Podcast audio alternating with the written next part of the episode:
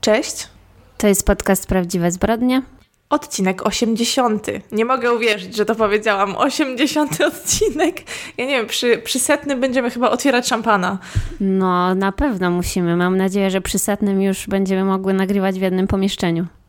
Tak, tak, trzymam za to kciuki, chociaż, no nie wiem, już się tak rozluźnia ta kwarantanna, więc może zobaczymy w następnych odcinkach, zaczniemy się znowu spotykać. Ale to wszystko zależy od sytuacji. W każdym razie, no w maseczkach nie będziemy nagrywać, bo to by było... Zapytamy pana premiera albo tak. pana ministra, czy możemy nagrać podcast wspólnie, czy nie? No w zasadzie spotkać się chyba w jakiejś tam małej grupie można, nie? No na przykład moje, e, moje koleżanki, które mieszkają za granicą e, w jednym z krajów skandynawskich, e, ostatnio na przykład były w barze już, więc... A fakt, że mówiły, znaczy, że... u nich jest chyba inaczej, nie? Tak, nie tak, mają tak. takich restrykcji jak tutaj. Y, a tak poza tym, jak Ci minął ostatni tydzień kwarantannowy? Pracy z domu?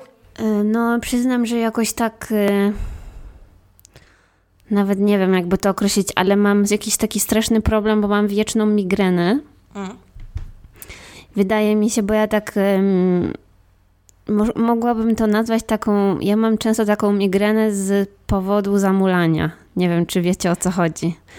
Że tak, dojdzie tak. do takiego momentu, kiedy już po prostu tak mi się nic nie chce, że sama jakby wprowadzam się w stan migreny. Nie wiem. Wszystko jest źle. No i ciężko potem z tego wyjść, jak już się zacznie. Mhm. I tak właśnie zauważyłam, że już tak po pracy.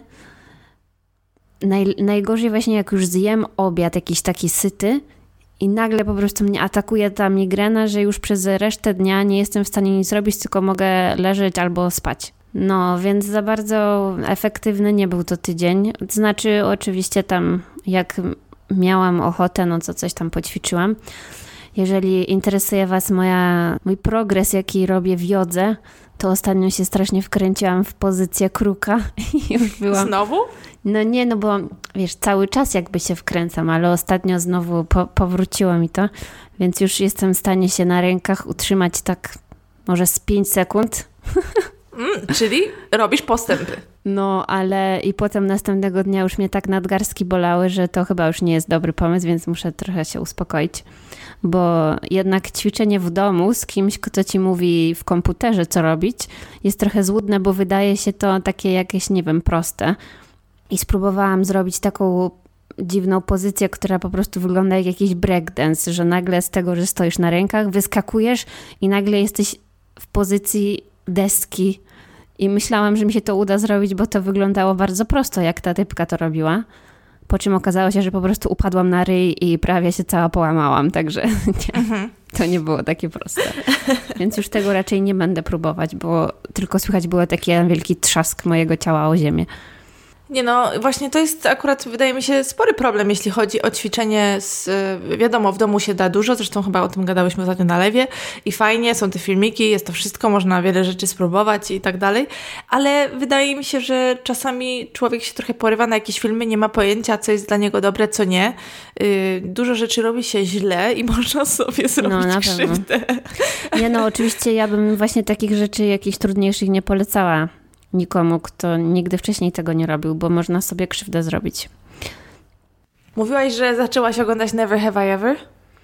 No tak, obejrzałam to i skończyłam jednego dnia.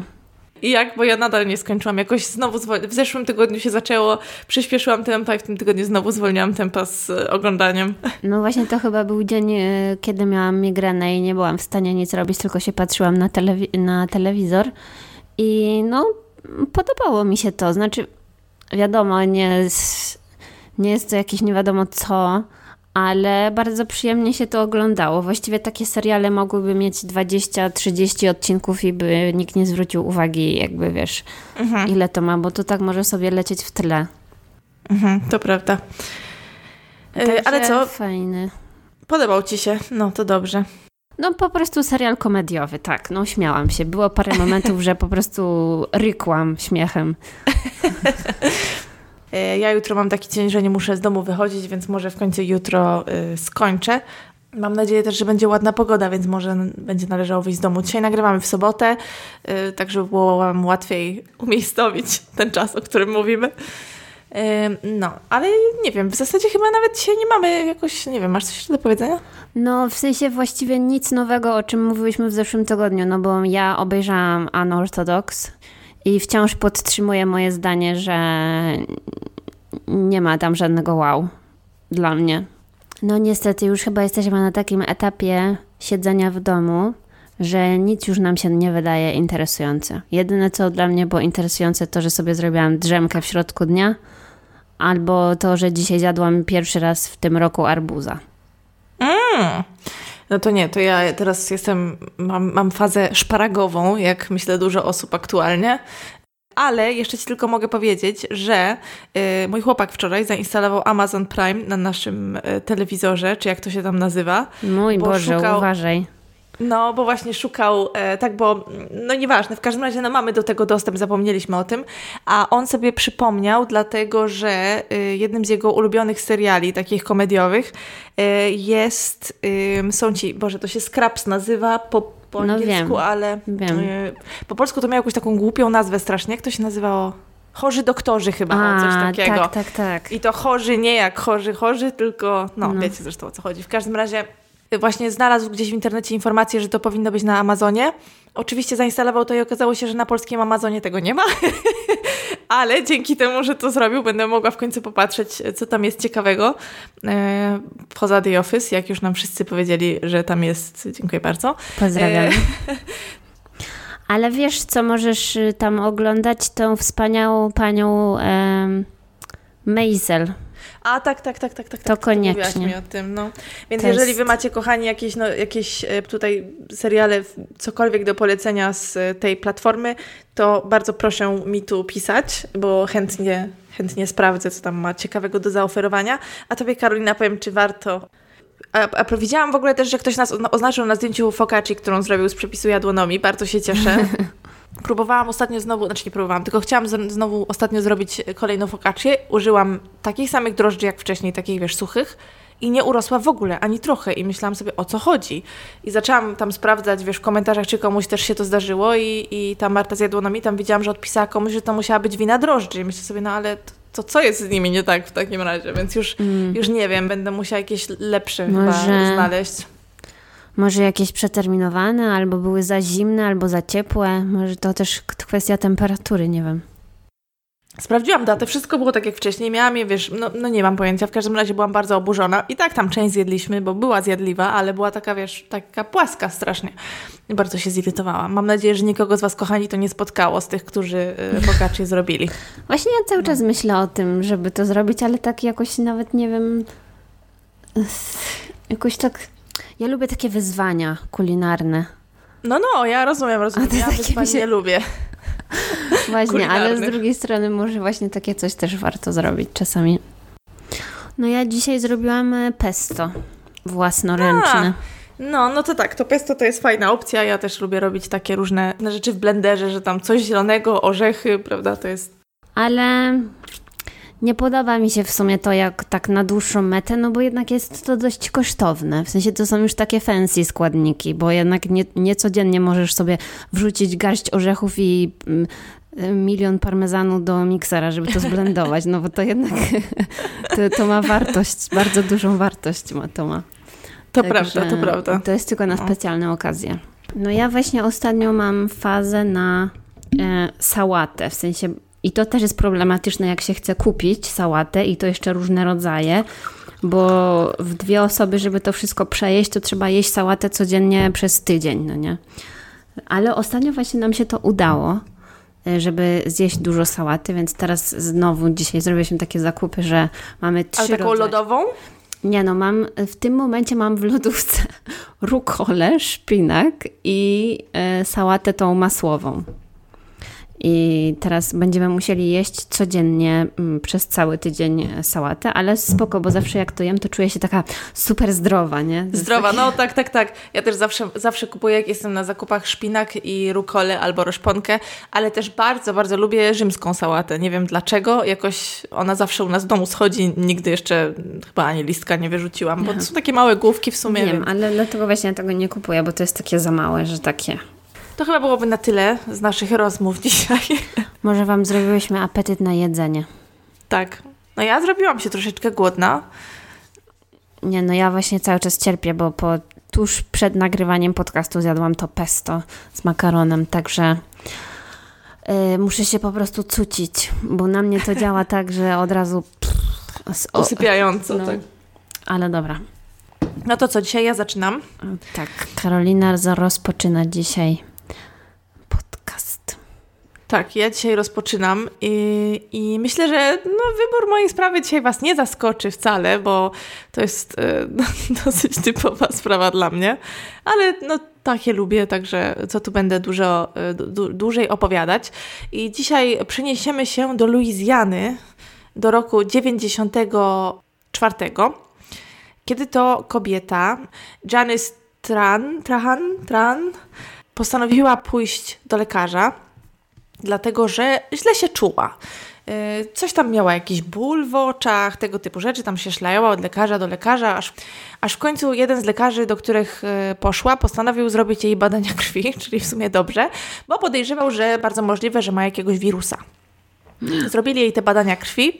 No i kiedy badania krwi. O, wirus, bardzo tematycznie. No. Y, no i kiedy te badania krwi wróciły, niestety Janice dostała dobrą i złą wiadomość. Ta dobra wiadomość była taka, że jest w ciąży, ale niestety zła wiadomość bardzo przeważała.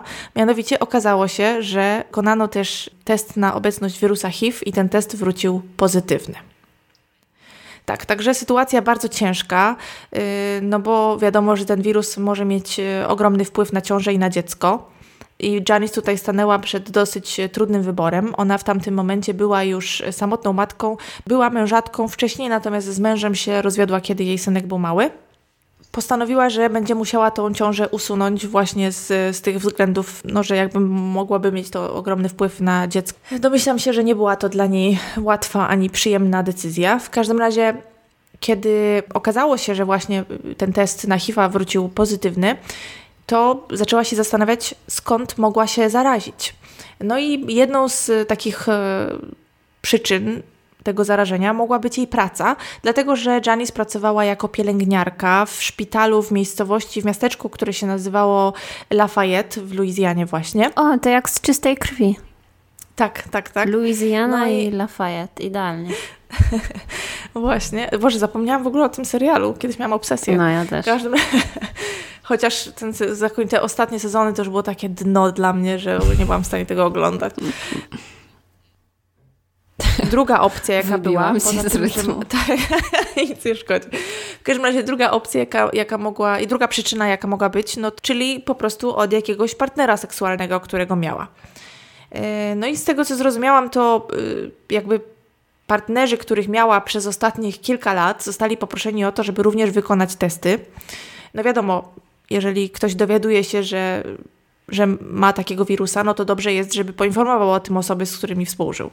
No i wszyscy z, ty, z tych mężczyzn, którzy wykonali testy, okazało się, że są zdrowi, że absolutnie nie mają y, tego wirusa i nic im nie jest. Tutaj jedyną opcją znowu była e, praca, natomiast y, nic takiego się nie wydarzyło, co by mogło pozwolić y, Janice być przekonanej, że właśnie w pracy to zakażeniem, do tego zakażenia mogło dojść. W każdym razie, kiedy zaczęła się nad tym zastanawiać, to y, dotarło do niej, ponieważ może opowiem troszeczkę o tej Janice, bo wspomniałam wcześniej, że ona rozwiodła się z mężem. E, z którym miała synka. No, a rozwiodła się z bardzo konkretnego powodu. Rozwiodła się dla innego mężczyzny. Mm.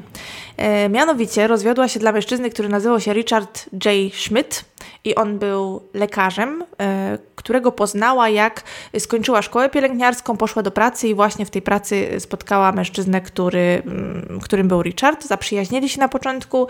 On był żonaty, miał trójkę dzieci, ona miała męża i tego wcześniej wspomnianego małego synka. No i tak się bardzo przyjaźnili, że w końcu zaczęli się ze sobą spotykać, oczywiście dalej mając y, tak y, tych swoich małżonków. I tak się spotykali, spotykali i w pewnym momencie y, postanowili, że będą razem. Richard tam mówił, tak, ja odejdę od żony, ty odejdziesz od męża i będziemy żyli długo i szczęśliwie, robili tam plany na przyszłość, nie wiadomo co. No więc y, Janice postanowiła rozwieść się z mężem, z którym już być nie chciała, chciała być z Richardem. Natomiast Richard obietnicy nie dotrzymał mm. i y, z żoną się nie rozwiódł.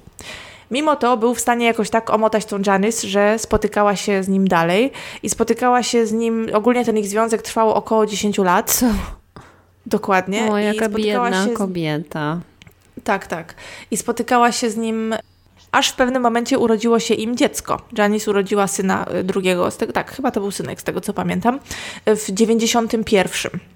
Jakby Richard spełniał swoją rolę ojca, jeśli chodzi o płacenie na dziecko, tak, tylko pod tym względem. Natomiast od żony dalej nie, znaczy jakby gadał różne rzeczy, składał mnóstwo obietnic, ale jakby z żoną nadal był. W tamtej społeczności Richard był oczywiście bardzo szanowaną osobą, był świetnym lekarzem, tak, miał nieposzlakowaną opinię, natomiast jak widać, no nie był to chyba jakiś z- za, za dobry facet, skoro miał żonę, dzieci, a przy okazji zwodził przez x lat y, jakąś inną kobietę, jeszcze y, tak kłamiąc cały czas, y, twierdząc, że o, już lada dzień y, zostawię żonę, y, mieli razem dziecko, a on nic. Ten ich związek ym, miał mnóstwo zlotów i upadków, dlatego że kiedy rzeczywiście no, Richard nic nie robił, żeby spełnić tą obietnicę daną Janice przez wiele lat, no to ona w końcu zaczęła y, grozić mu odejściem. I to trwało też przez długi czas. Ona mówiła: Odejdę, zostawię cię, jak nie odejdziesz od żony. Chociaż szczerze mówiąc, zastanawiam się, dlaczego ona dalej chciała być z takim facetem. Musiała być bardzo w nim zakochana i zaślepiona, Mm. bo z takim oszustem okropnym, który y, w taki sposób ją traktował, jej jej swoją żonę też. No, no nie wiem. Miłość nie wybiera. Dokładnie, no ale wiadomo, sytuacje są różne czasami człowiek z powodu miłości róż, robi różne rzeczy.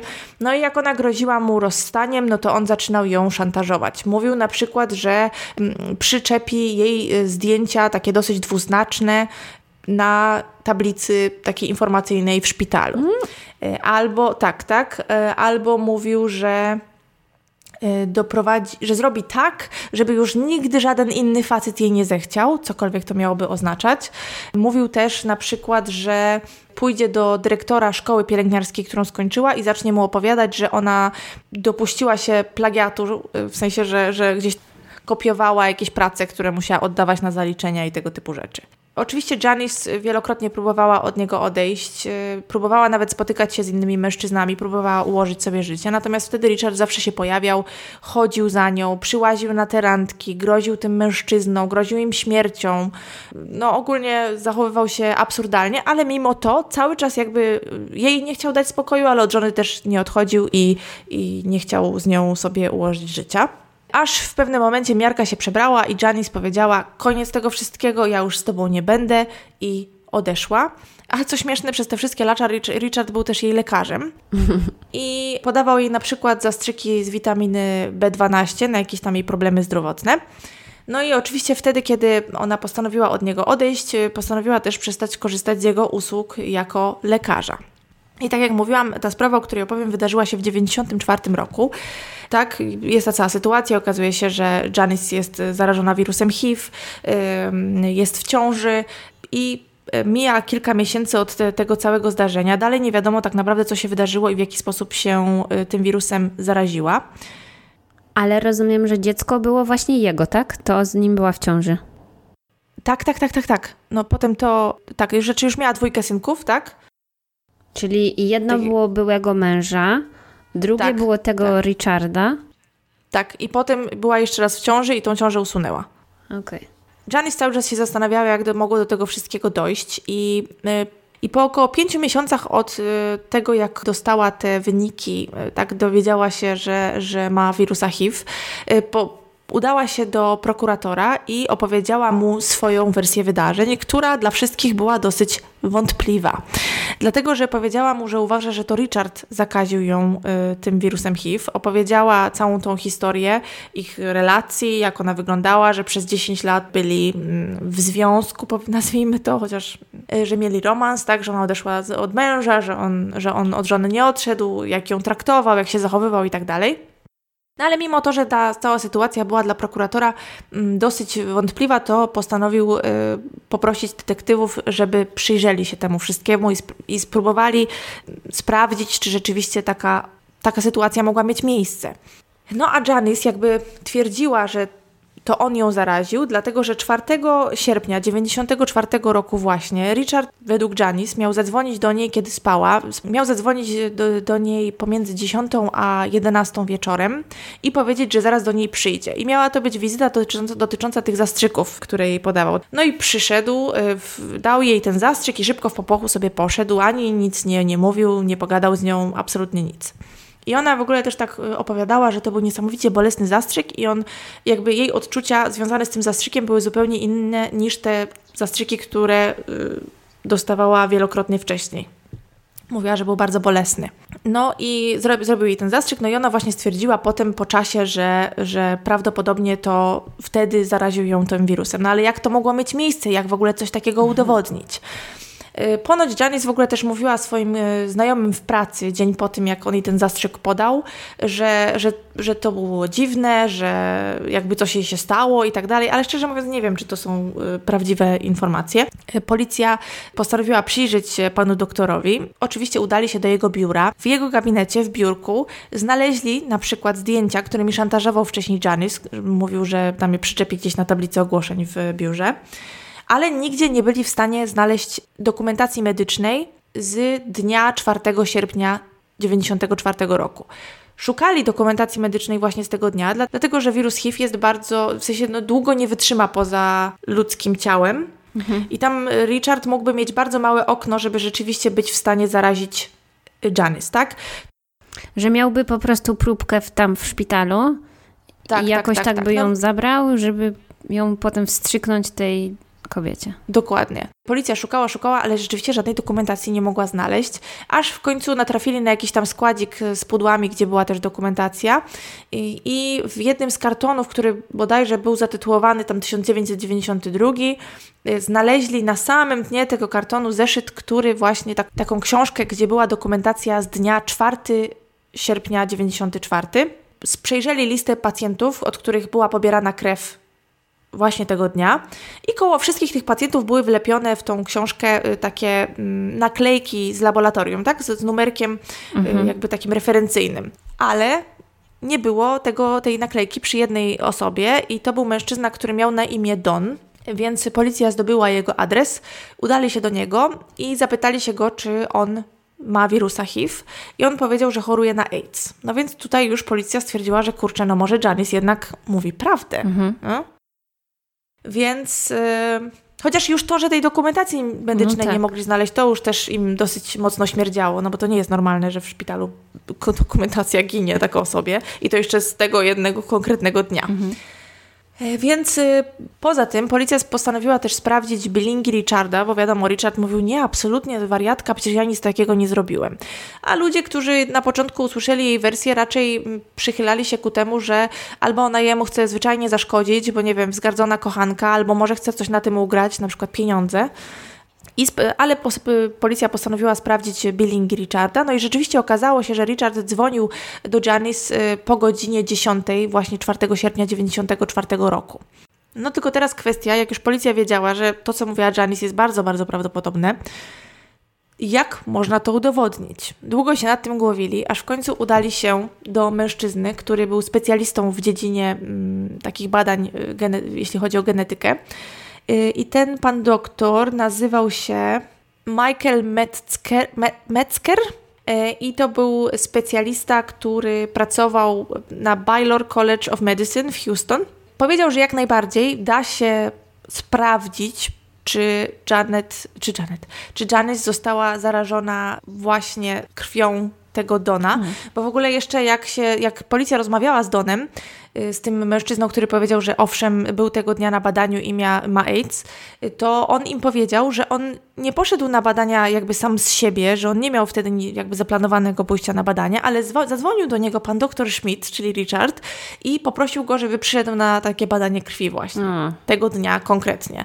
No więc jakby tutaj no, myślę, że wszelkie wątpliwości zostały rozwiane. I ten, ten specjalista, który z, z, uniwersytetu, który powiedział, że tak jak najbardziej będzie w stanie coś takiego udowodnić, powiedział, że taki wirus u człowieka zarażonego, jak się dostanie do ciała, no to wiadomo, że mutuje, ale na podstawie porównania próbek będzie w stanie stwierdzić, czy te wirusy są do siebie podobne, czy nie. Mhm. Dano mu 28 próbek pacjentów y, zarażonych właśnie z Luizjany y, i on te wszystkie próbki sprawdził. Porównał zresztą to podobieństwo tych, tych próbek do y, takiego drzewa genealogicznego, powiedzmy. Także widać to tak samo jak w, w przypadku ludzi ze sobą spokrewnionych. Porównał te próbki, no i oczywiście okazało się, że akurat dwie z tych próbek są do siebie bardzo podobne i były to próbki Dona i Janice. Mhm. Trochę czasu to wszystko trwało.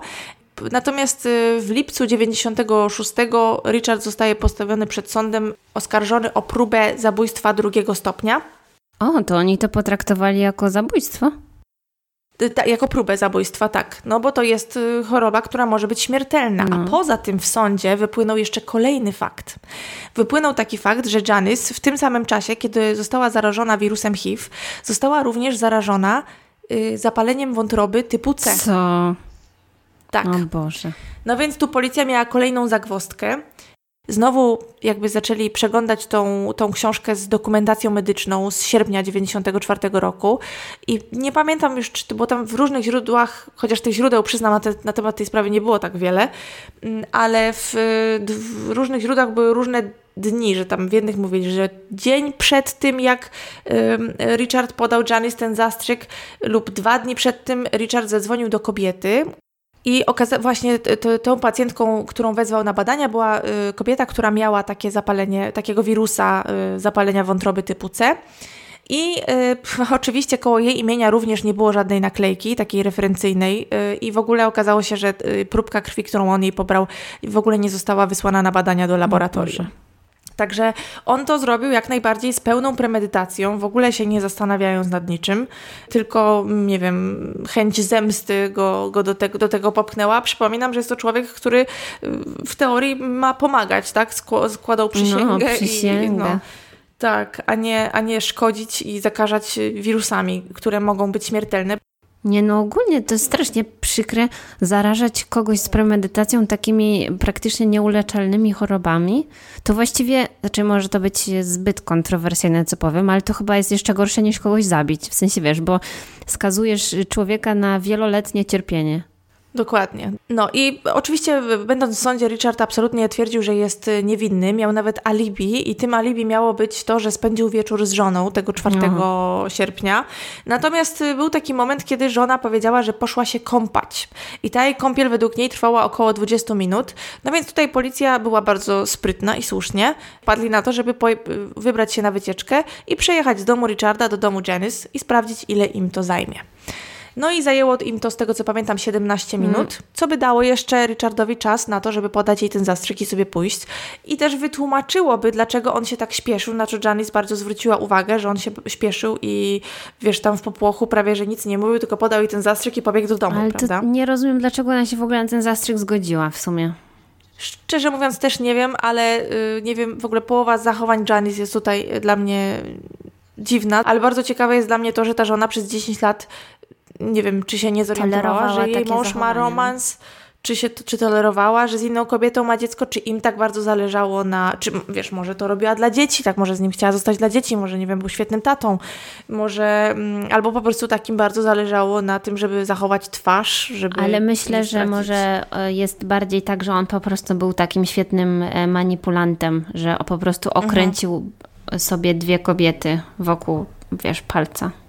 No to jest bardzo możliwe, zwłaszcza, że y, był w stanie Janice przy sobie utrzymać przez tyle lat, a poza tym no też był taki moment, kiedy ona po prostu najzwyczajniej w świecie zaczęła się go bać, tak? Kiedy on, y, kiedy on groził śmiercią jej jakimś tam typom, z którymi ona chodziła na randkę, czy, czy ją szantażował już takimi poważnymi rzeczami, no bo kto normalny mówi, jak ode mnie odejdziesz, chociaż mam żonę, y, to zacznę rozwieszać po szpitalu twoje nagie zdjęcia. No, no. to jest chyba trochę nienormalne zachowanie. Psycho. E, Dokładnie, chociaż my tutaj raczej o normalnych ludziach nie mówimy w tym podcaście. No więc tutaj jakby tego alibi całe upadło. Y, zastanawiano się też, dlaczego Richard w ogóle nie zniszczył tej dokumentacji z 4 sierpnia 94, w sensie w ogóle z sierpnia tamtego roku, bo w, oczywiście jest na ten temat odcinek Forensic Files, stąd znam tą sprawę. Y, w każdym razie tam y, jeden z policjantów mówił, że ten, ta książka, w której znaleźli dane na temat pacjentów, którym krew pobrano tego dnia, była zapisana tam może w 30%, że to wiesz, była taka normalna książka, gdzie tam było, nie wiem, on mówił 60 stron czy ile, a powiedzmy była zapisana jedna trzecia, czyli tak jakby ktoś z premedytacją wziął i ją schował, tak? Mhm gdzieś tam zakopał na dnie pudeł. No ale to po co w takim razie w ogóle się tego nie pozbył? Przecież taki niby inteligentny wpadł na taki kreatywny sposób, jak zniszczyć byłej kochance życie. No i tam jeden z detektywów, który się zajmował tą sprawą, mówił, że według niego to miało być, on to chciał zachować, żeby, wiesz, mieć jakieś takie trofeum, jaki jest mądry, jakie mu się udało, mm. prawda, jak wszystkich wrobił. I właśnie takie najbardziej sprawy lubię, że komuś się wydaje, że jest taki sprytny i mu utrą nosa. Także e, to, to mi daje niesamowitą satysfakcję czytać o takich rzeczach.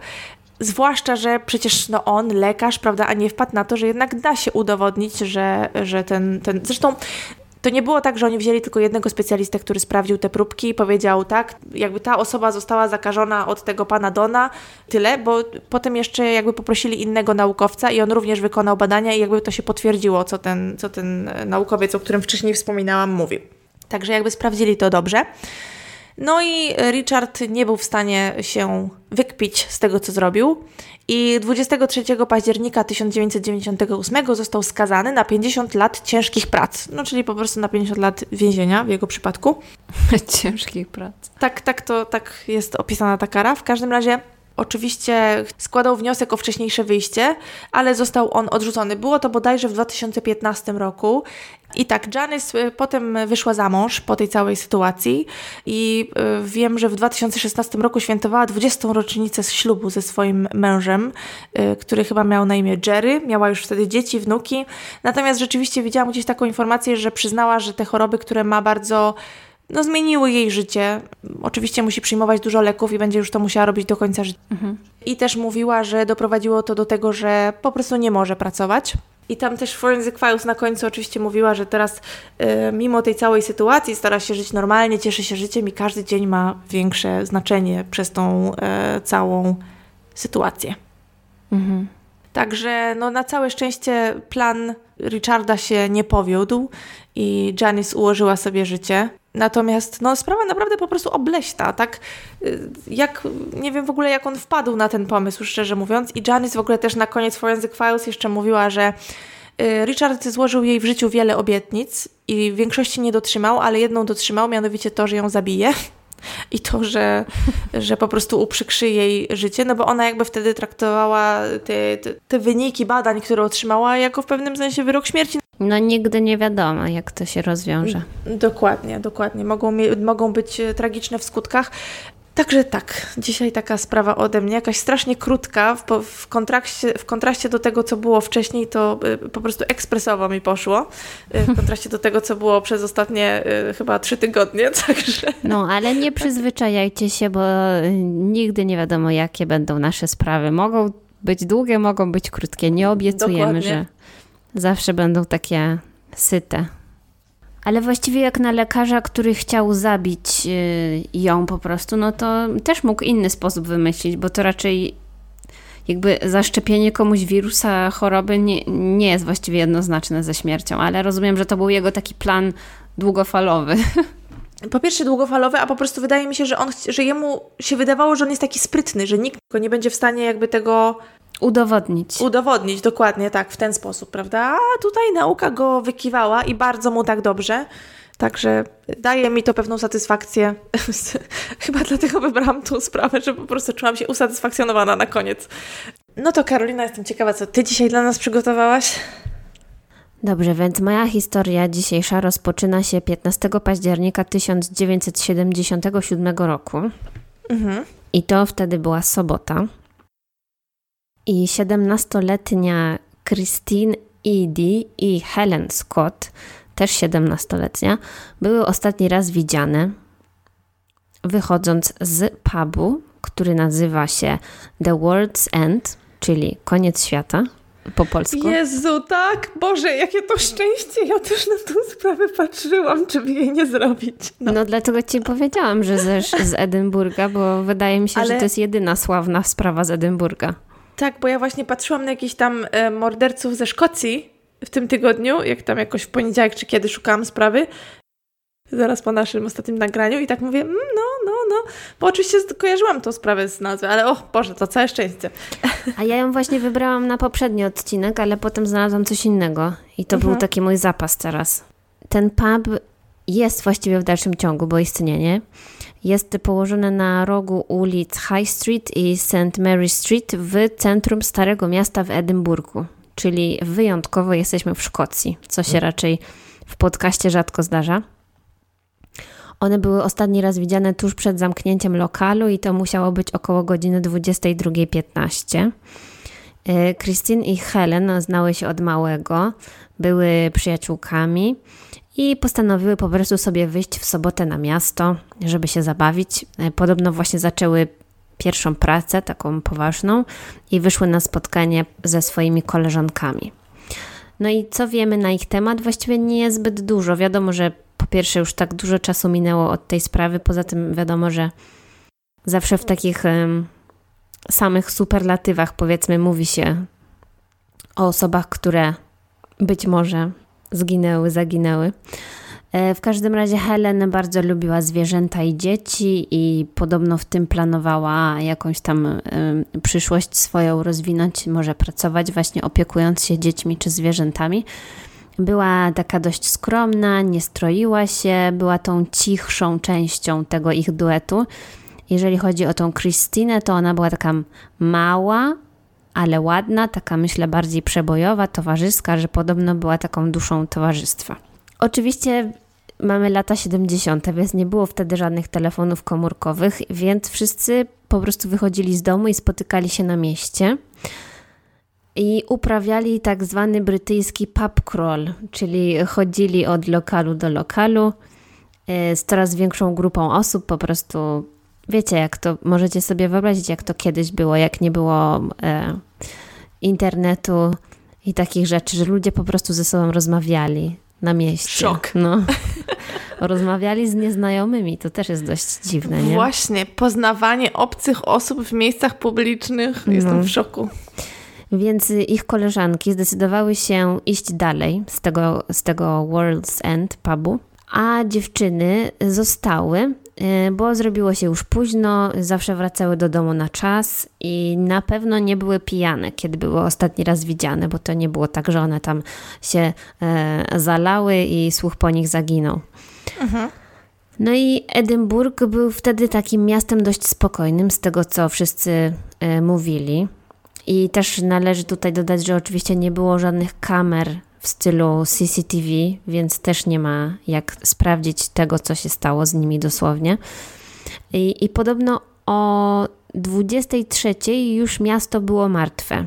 Wszystkie lokale były zamknięte y, maksymalnie o 23, więc taka trochę godzina policyjna była. Mhm. I e, Dlatego też rodzice tych dziewczyn oczekiwali ich w domu na pewno przed północą, więc to było dziwne, jak się nie pojawiły. Więc te rodzice czekali, czekali, no dziewczyny nie wracały przez całą noc, ale jako, że wyszły razem, no i rodziny nawzajem się znały, no to pomyśleli sobie, że może jedna śpi u drugiej. Więc nie wszczeli żadnego alarmu w nocy, dopiero rano zaczęli panikować właściwie, jak okazało się, że nikt nie miał żadnych wieści ani od Christine, ani od Helen. Wtedy zgłosili i jedną dziewczynę, i drugą e, jako zaginione na policję. No i niestety tego samego dnia e, jacyś spacerowicze natknęli się na nagie, martwe ciało Christine na plaży, która nazywa się Gosford Bay i to jest jakieś 25 km od Edynburga, więc no trochę daleko od miasta. Ciało Helen też zostało znalezione, ale było to jakieś 3 km dalej na jakimś polu kukurydzy i ona miała na sobie tylko swój płaszcz. Poza tym też była naga. O Boże. No i rodziny domyśliły się, że to właściwie ich córki, bo już w radiu i w telewizji podali wiadomość o znalezionych ciałach tych dziewczyn. No i jak znaleziono te ciała, no to okazało się, że dziewczyny zostały pobite, zakneblowane, związane własnymi jakby elementami odzieży, zgwałcone i uduszone. I wyglądało na to, że ten sprawca wcale nie postarał się, żeby ukryć te ciała, bo one po prostu leżały na takiej otwartej przestrzeni. Jedna właśnie na tej plaży, druga na jakimś tam polu przy drodze. I policja i cała społeczność była oczywiście wstrząśnięta tą sprawą.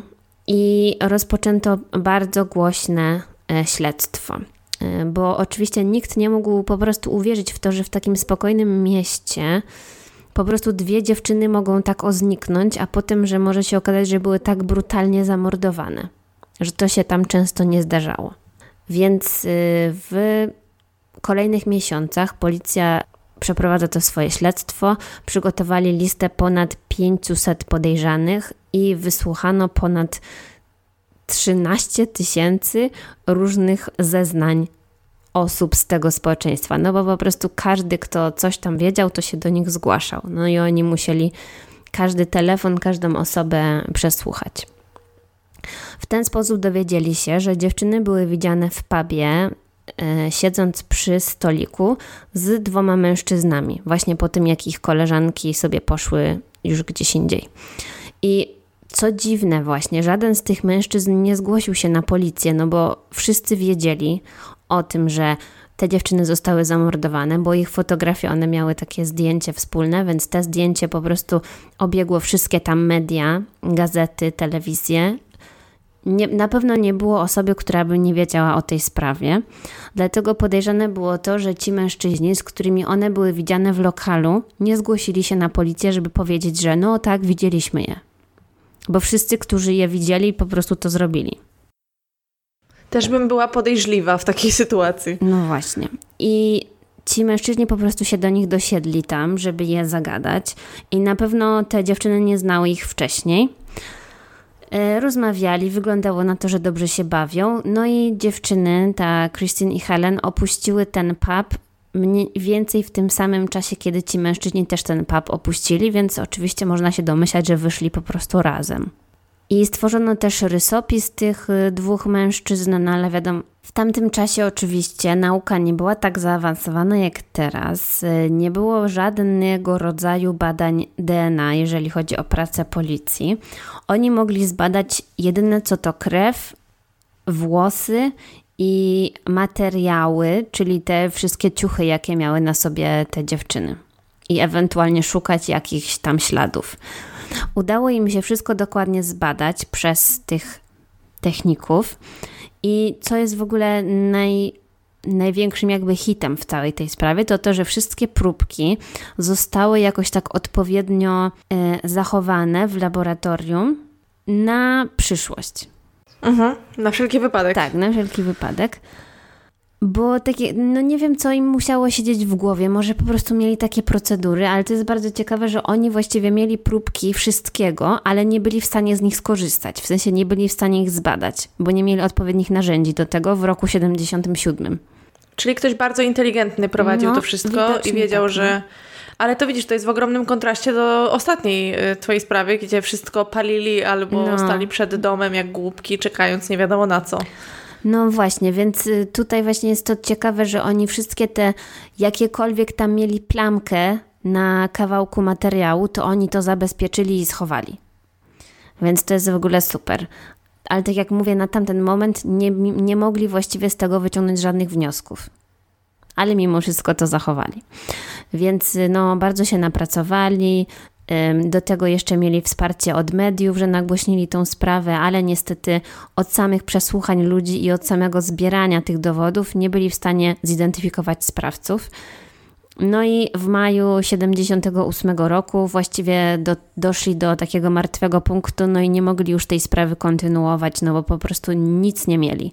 Nie mieli żadnych podejrzanych, nie mieli żadnych konkretnych dowodów, no nic więc musieli sprawę, no nie powiem, że porzucić, ale po prostu no, zeszła ona na jakiś tam boczny tor. Nie było z czym pracować. No tak, więc oczywiście o tej sprawie nie zapomniano. Jeszcze też e, zaglądali do tych akt w latach 80., w latach 90., szukali tych nowych wskazówek, ale przełom w ogóle nastąpił dopiero w roku 2004. Więc mamy no 27 lat później.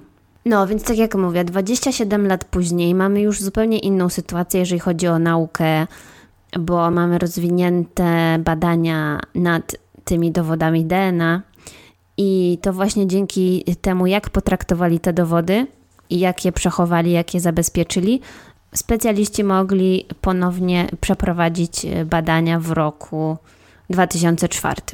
I pierwotnie w 1977 roku nie znaleziono żadnych śladów biologicznych dwóch mężczyzn w tych dowodach. W sensie nie, nie byli w stanie tego jakoś e, sprawdzić. Mieli DNA tylko jednego mężczyzny na tym etapie i postanowili wrzucić je do systemu, bo już wtedy w roku 2004 mieli stworzoną w Wielkiej Brytanii bazę danych i mogli porównać tą próbkę DNA, którą mają, z innymi próbkami DNA w systemie mężczyzn skazanych za jakieś tam inne przestępstwa, no nie? No i o dziwo, nie znaleźli żadnego pasującego przestępcy w tej całej bazie danych. No i to było dość dziwne, bo ta zbrodnia, która miała miejsce w roku 77, ona przez tą całą swoją charakterystykę wskazywała na to, że to musiała być jakaś osoba doświadczona, bo to było jakieś te przestępstwa seksualne połączone z morderstwem, z duszeniem. To są raczej rzeczy, których się nie robi tak oraz, tylko jednak to są y, działania wskazujące na seryjnego jakiegoś przestępcę. No w zasadzie tak, większość naszych takich e, no. spraw, które omawiamy e, a propos seryjnych zabójców, na, jeżeli chodzi o przestępstwa na tle seksualnym, no to raz, na razie się nie kończy. No, no właśnie, dlatego to oni byli przekonani, że mają próbkę, wrzucają ją do bazy danych i no czekamy, znajdziemy naszego sprawcę. No i bardzo się zdziwili, że niczego nie znaleźli. No ale to jeszcze oczywiście nie koniec. Bo, e, Już myślałam, że koniec, kropka, dziękuję.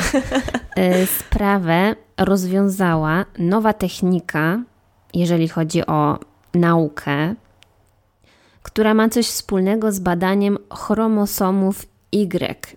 I tutaj ja już nie będę się jakoś tak super mądrzyć, bo nie do końca to rozumiem, więc tutaj proszę nie krzyczeć na mnie, jeżeli się pomylę. W każdym razie oni mieli jakiś, jakiś taki nowy sposób badań, no nie? Na, na ten rok.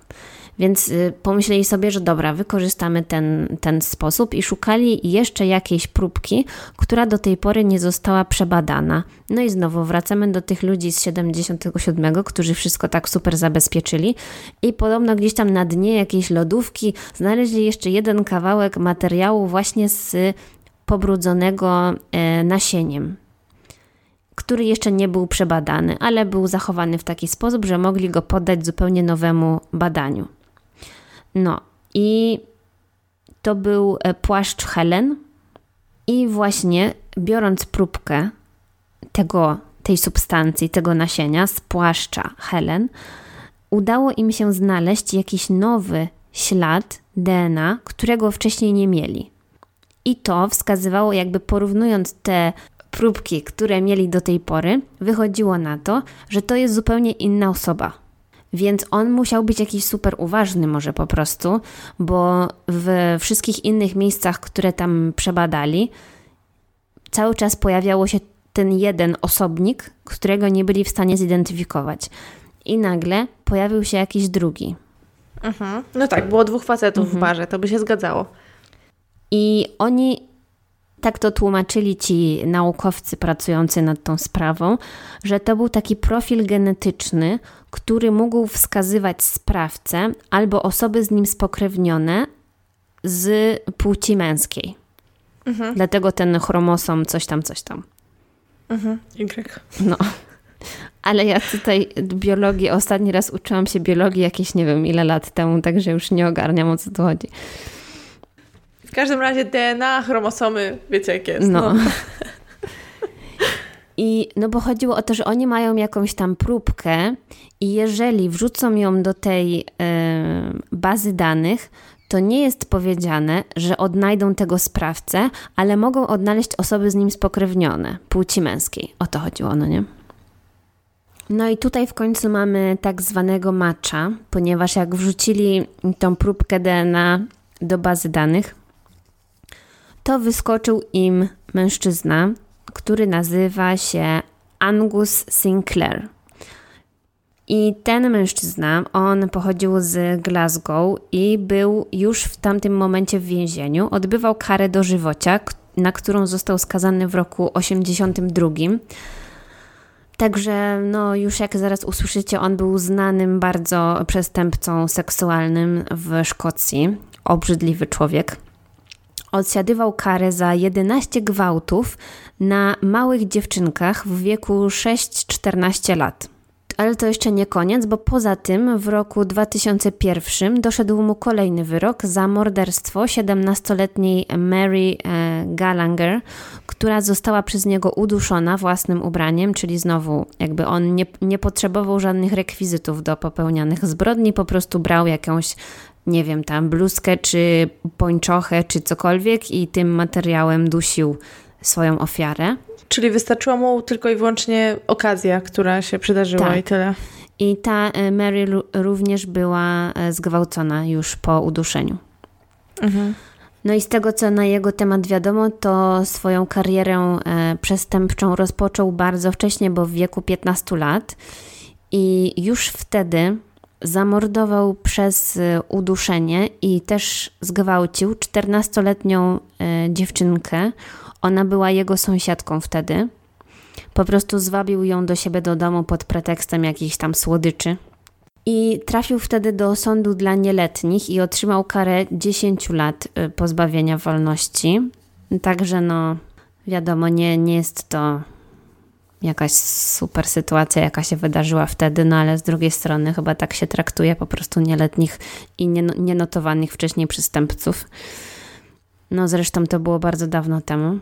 No i już znając jego historię, jego osobę i tak dalej, udało się dojść policji do tego, kim był ten drugi sprawca. Bo okazało się, że to był brat żony Angusa i on nazywał się Gordon Hamilton i on zmarł parę lat wcześniej, a jego ciało zostało skremowane. Także... No. Także... Czyli nigdy nie spotkała go sprawiedliwość za to, co zrobił. Jeszcze był w stanie sobie pożyć szczęśliwie. E, no tak, ale to jest kolejny taki po prostu super fakt dla osób, które się interesują właśnie nauką w rozwiązywaniu spraw kryminalnych, bo udało im się znaleźć próbkę DNA tego Gordona Hamiltona. I jak oni to. Mm. Tak, bo oni. Ja nie wiem, po prostu to jest bardzo tutaj wszystko czary-mary, wydaje się dla nas, bo no wiesz, osoba umarła kilka lat wcześniej, no to co? Nie masz jakiejś jego szczoteczki do zębów, ani jakichś takich rzeczy, których używa na co dzień, ale oni szukali po prostu czegokolwiek i zmusiała się, musieli jakoś dojść do tego, że on, bo on był ten e, Gordon, powiedzmy, że wykańczał mieszkania, no nie? Przeprowadzał jakieś tam remonty i tak dalej. I udało im się znaleźć próbkę DNA Gordona w mieszkaniu, które remontował 10 lat wcześniej. Co? Naprawdę to jest wszystko na nagrane. Możecie sobie to zobaczyć w internecie. Oni jakoś tam wykminili, że no nie wiem, już nie chcę mi się tego teraz wchodzić w szczegóły, ale w tym mieszkaniu był taki sufit jakiś dziwny, tak jakby podklejany, nie wiem, sufit. I on ten sufit podklejał. Więc jacyś tam naukowcy doszli do tego, że na pewno jego DNA będzie pod tą warstwą. I oni to wszystko tam y, zdarli, tą jakby warstwę tego sufitu i pod tą warstwą, wiesz, wzięli tym, tą swoją wacikiem czy czymś, patyczkiem, to wszystko tamten i znaleźli tam jego DNA, które pasowało do DNA znalezionego na tych ofiarach w 77. Boże, jaki trzeba było mieć łeb, żeby wpaść w ogóle na coś takiego, ale wyobrażasz sobie sytuację, w której policja przychodzi do siebie do mieszkania no. i przepraszam bardzo, musimy zedrzeć sufit z powodu mhm. zbrodni popełnionej w 77 roku. W ogóle, wow. Nie wiem, ja w ogóle nie rozumiem, w jaki sposób y, DNA, wiesz, robotnika, który ci y, remontuje mieszkanie, może u ciebie być przez 10 lat. Nie wiem, to jest jakieś, jakaś magia. A może on sobie jakąś krzywdę zrobił w tamtym czasie i stąd oni wiedzieli, No że... szczegółów jakichś takich nie podali, tak, nie ale ma. ja nie no, no rozumiem, no, no. czy to chodzi o to, że on tam kichnął i potem to zamurował, to swoje kichnięcie, nie wiem, że ta ślina jego została, nie wiem, to jest dla mnie Nie no, dziwne. właśnie dlatego tak myślę, że może coś jemu się stało przy okazji tych robót i stąd może wiedzieli, że tam będzie jego DNA, bo nic innego mi do głowy nie przychodzi, ale niesamowite. Naprawdę ktoś bardzo mądry musiał wpaść na to. No, w każdym razie, no nie wiem, jak mamy tutaj jakichś specjalistów od tego, to możecie nam wytłumaczyć.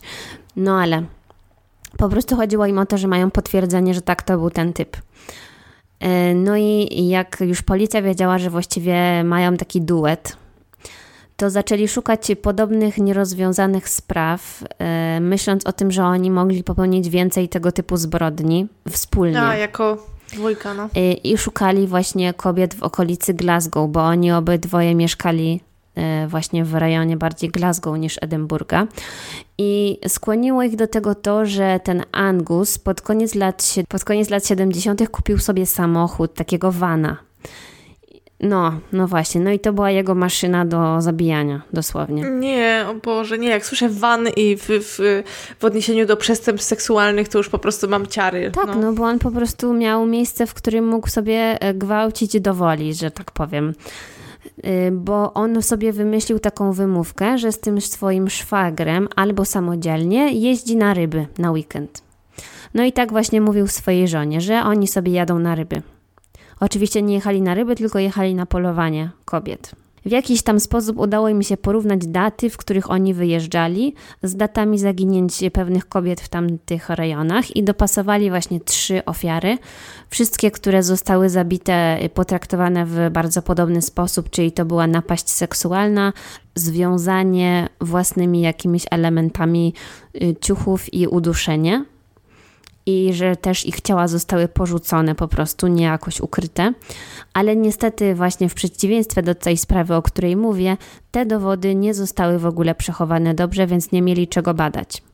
Więc ostatecznie no, są jeszcze właśnie trzy zaginione kobiety, zaginione i zamordowane kobiety, które można by było dopasować właśnie do tego Angusa, ale niestety nie byli w stanie tego udowodnić, więc to porzucili no i z tymi wszystkimi informacjami wzięli tego Angusa na przesłuchanie. No, mimo to, że on był już wtedy w więzieniu, no to przesłuchali go w sprawie tych morderstw.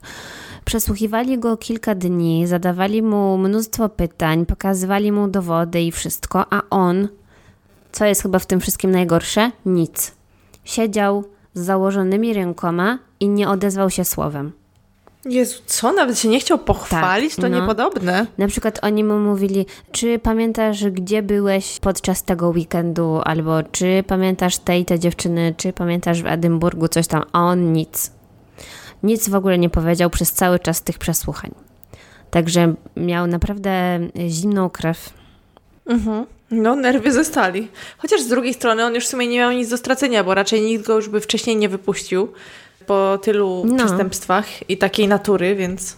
No, dlatego raczej po prostu chyba problem jest w tym, że nigdy się za bardzo nie nawrócił na dobrą stronę, bo zazwyczaj może ludzie się przyznają do zbrodni, które popełnili tam dawno temu, jeżeli już czują jakieś może wyrzuty sumienia, bo to jest tylko kwestia tego, żeby Albo chcą się pochwalić. No, chcą się pochwalić, albo żeby inne osoby w końcu przestały się tym stresować, no nie, nie wiem, rodzina i tak dalej, że albo ci cała policja, żeby nie gonili za tym przestępcą, żeby już w końcu kogoś mieli.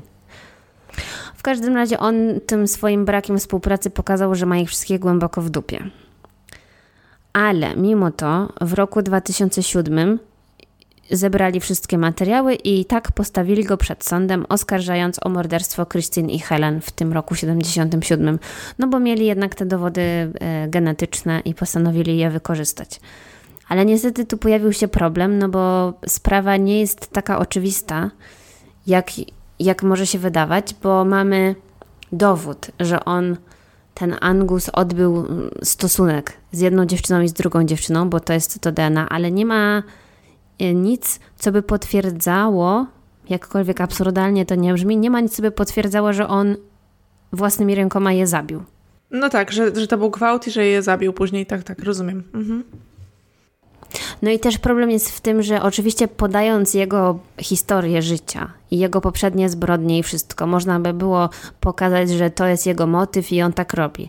No ale niestety nie można tak skazywać ludzi co jest no tak, według bo tak jakbyś mnie, sugerowała, no. co mają zadecydować, Co jest prawda? według mnie dość głupie, no bo jeżeli koleś zrobił 100 razy to samo, no to dlaczego nie można tego użyć przeciwko niemu? Jakby to jest, to jego życie się bierze pod uwagę zawsze, więc nie rozumiem, dlaczego tego nie można wykorzystać.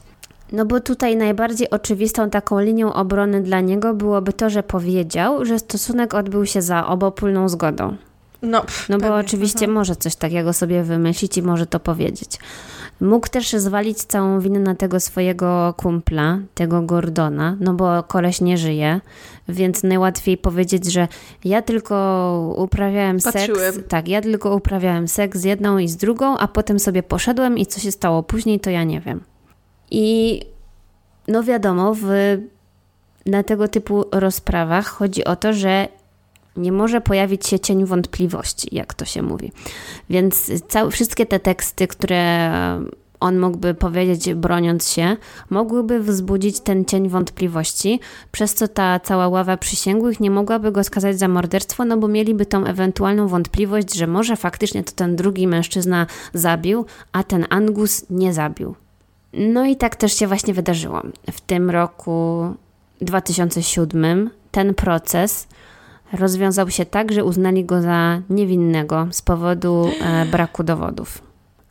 No, ale to nie, nie jest koniec mojej historii. Ona się nigdy nie kończy. Ale to też jest taka ciekawostka teraz dla wszystkich prawników, bo jest kwestia, czy można kogoś dwa razy skazać za tę samą zbrodnię. No i mhm, teoretycznie mhm. nie można. Tak. Nie można, no. I do tego czasu w Wielkiej Brytanii nie można było tego robić, ale między innymi w związku z tą sprawą, dlatego ona jest taka, wiesz, sławna pod wieloma tutaj kątami, zniesiono zasadę, po angielsku to się nazywa double jeopardy, po, po polsku podwójne zagrożenie, co jest, nie wiem, czy to jest termin prawniczy, wątpię. Pewnie się, pewnie się mówi po łacinie, bo po łacinie to jest non bis in idem. Więc dla wszystkich prawników pewnie to ma jakieś znaczenie. E, w każdym razie na pewno taka zasada jest. Ona jest chyba wszędzie, na całym świecie. W każdym razie w Szkocji w roku 2011 zniesiono to, bo tam się właśnie było wiele wniosków, żeby tej zasady powiedzmy się pozbyć.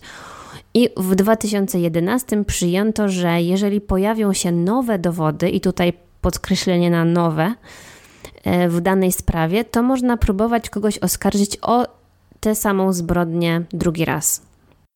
Mhm, mhm. Ja, jak powiedziałaś to pojęcie, to mi się coś kojarzy, że już w poprzedniej sprawie jakiejś jednej czy drugiej miałyśmy też coś takiego i to miało być tak nie dwa razy, czy coś takiego, aż zaraz to sprawdzę na... Ja sprawdzałam właśnie yy, i tłumaczenia na polskie za bardzo nie ma.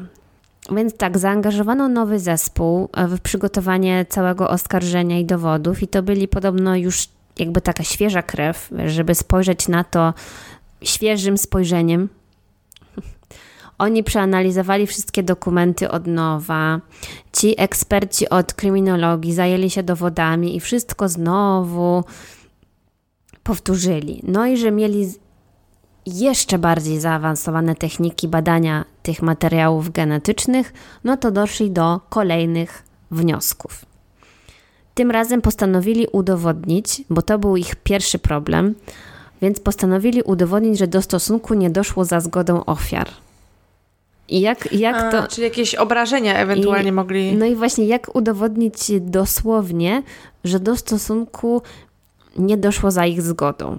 Więc oni stwierdzili, że muszą przeanalizować te ligatury, czyli te jakby kawałki materiałów, które były wykorzystane do związania, zakneblowania, unieruchomienia po prostu tych dziewczyn.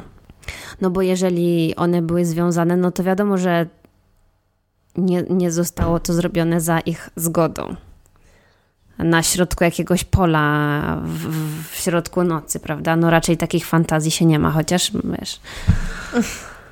Nigdy nie wiadomo. nie bywa, no. Więc ci specjaliści mieli teraz do dyspozycji urządzenie, które nazywa się Crime Light i to wygląda jak taka po prostu lampka na ultrafiolet, ale to na pewno jest coś bardziej zaawansowanego, tylko tak można sobie to wyobrazić. I oni prześwietlali te materiały, te ligatury i znaleźli DNA Angusa i tego jego towarzysza na zgięciach, tak jakby. Że oni musieli tak, no nie wiem, ja sobie to tak wyobrażam, bo nie wiem dokładnie jak to tam było, ale że mieli, mieli jakby dowód na to, że oni ten materiał tak zaciskali, nie wiem, że tak wykręcali, że aż tak mocno, że ich DNA, nie wiem, tam skóra czy coś przeszła w to. I że to pewnie wymagało jakiejś od nich siły, a co za tym idzie przemocy i tak dalej. Więc dzięki tym dowodom mogli przedstawić w sądzie, że ten Angus dosłownie związał i udusił tą Christine i Helen. I to zaprzeczało mhm. od razu całej tej teorii, że do stosunku doszło za obopólną zgodą. Więc w sumie myślę, że to całkiem ciekawe właśnie w kontekście tych całych badań DNA i tego, że można właśnie komuś udowodnić zbrodnię tylko takimi szczególikami naukowymi. Mhm, mhm. Tak, to jest, no mi się zawsze takie rzeczy wydają bardzo interesujące. Jeszcze z takich właśnie ciekawostek e, dowodowych, naukowych na tym etapie wyszło, że Helen to była dziewczyna, która została zamordowana druga. Ta Christina, która została znaleziona na plaży naga, ona musiała umrzeć pierwsza. A jeżeli chodzi o tą Helen, to oni w jakiś dziwny sposób mogli udowodnić, że ona po tym polu kukurydzy szła na boso, jeszcze będąc żywa. Że musiała jakby stać pionowo, no nie? Bo oni dowiedzieli się tego po przebadaniu śladów na jej stopach, takich jakby wgniecień, które pozostały po ziemi oraz badając jeszcze raz tę ziemię, która była też jakoś tam zabezpieczona z jej stóp. Także to też miało jakieś chyba znaczenie, że oni po prostu musieli ją na ten środek tego pola zaprowadzić, praktycznie jak, że ona szła o własnych siłach. No. E, w związku z tymi wszystkimi nowymi dowodami udało im się przygotować nową sprawę i w 2014 roku kolejny proces. I z tego procesu jest jeszcze coś takiego dość obleśnego, co się tam wydarzyło, bo jak prokurator tam zadał pytanie temu Angusowi, skąd wiedział, że dziewczyny zgodziły się na seks, w sensie jak, jak to zinterpretował. E, chcieli, żeby powiedział dosłownie to on powiedział coś po prostu najgorszego, co można by było powiedzieć na świecie, że nie powiedziały nie. Tragi- no. Boże, straszny człowiek, no. Także... Ale to widać, że on nawet chyba nie był w stanie myśleć kategoriami normalnych no osób, nie. bo nie był w stanie wymyślić nawet jakieś, jakieś, yy, jakiegoś kłamstwa, które mogłoby zabrzmieć prawdopodobnie. No bo on nawet nie zdawał sobie sprawy, że to, co mówi, to jest na jego niekorzyść. W ogóle nie, no bo, bo co to znaczy, że ktoś nie mówi nie? To przepraszam, a jeżeli krzyczy, kopie i bije, to znaczy, że jest wszystko w porządku. I nie może mówić, bo jest zakneblowany, no. przepraszam. No i jeszcze właśnie kolejne pytanie było takie, no to jak w takim razie rozmawialiście, jak to wszystko wyglądało, że tak nie, nie, zaprze nie zaprzeczyły temu wszystkiemu? A on powiedział, że w ogóle nie rozmawialiśmy. Oh, Jezus. Także wydaje mi się, Także wydaje mi się, że trochę sam się wkopał, bo niepotrzebnie w ogóle brnął w całą tę dyskusję, bo tylko siebie skompromitował. Przy, podczas całego tego procesu właśnie był taki bardzo zimny, wyrachowany. Wypowiadał się o tych ofiarach jak o właśnie takich przedmiotach, bo on w ogóle nie. Wydaje mi się, że w dalszym ciągu był na, na tyle spaczony psychicznie, że w ogóle nie rozumiał, że coś złego zrobił. Że zero w ogóle skruchy po tylu latach spędzonych w więzieniu, od tam lat 80. do, do praktycznie teraz zero skruchy. Także e, pokazało to po prostu, że jest e, prawdziwym, typowym psychopatą, że zero empatii ma w sobie. No i na szczęście w tym procesie uznano go za winnego i ten rok 2014 odmierzył powiedzmy 37 e, lat od roku 77, w którym wystąpiło to morderstwo.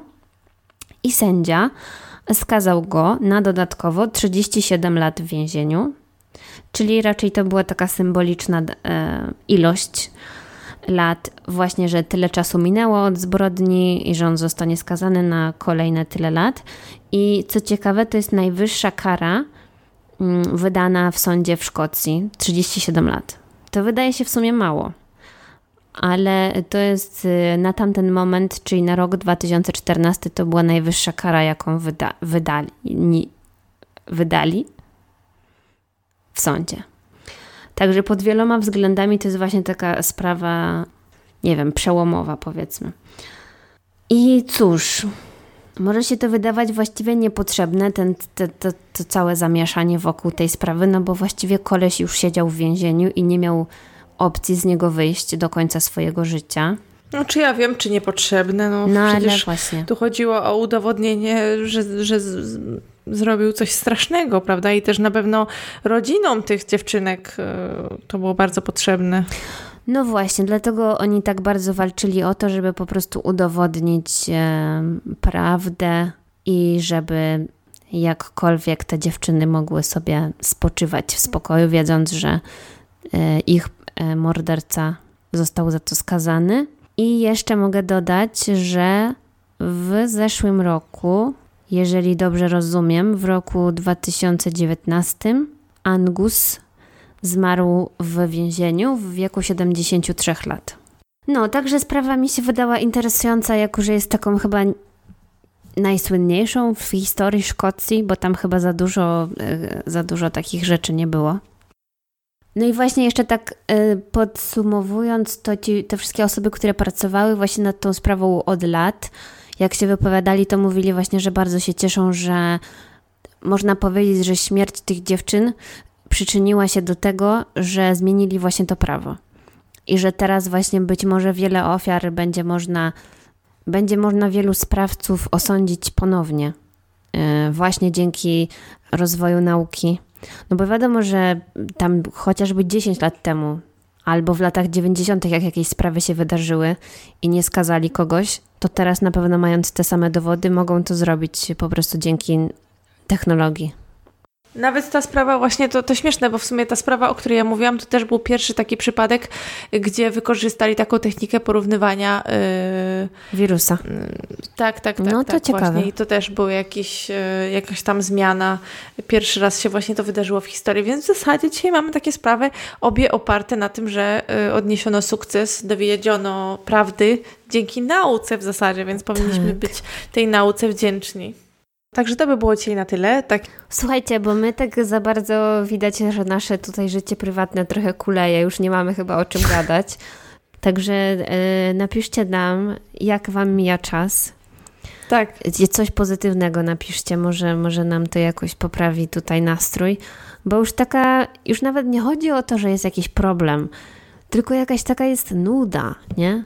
Nuda, nic się Jak nie tylko dzieje. otworzą knajpy, to na pewno spotkacie nas. W każdej. tak, w każdej z kieliszkiem wina. No, także dziękujemy bardzo dzisiaj za uwagę. I do usłyszenia w następnym odcinku. Tak, do usłyszenia.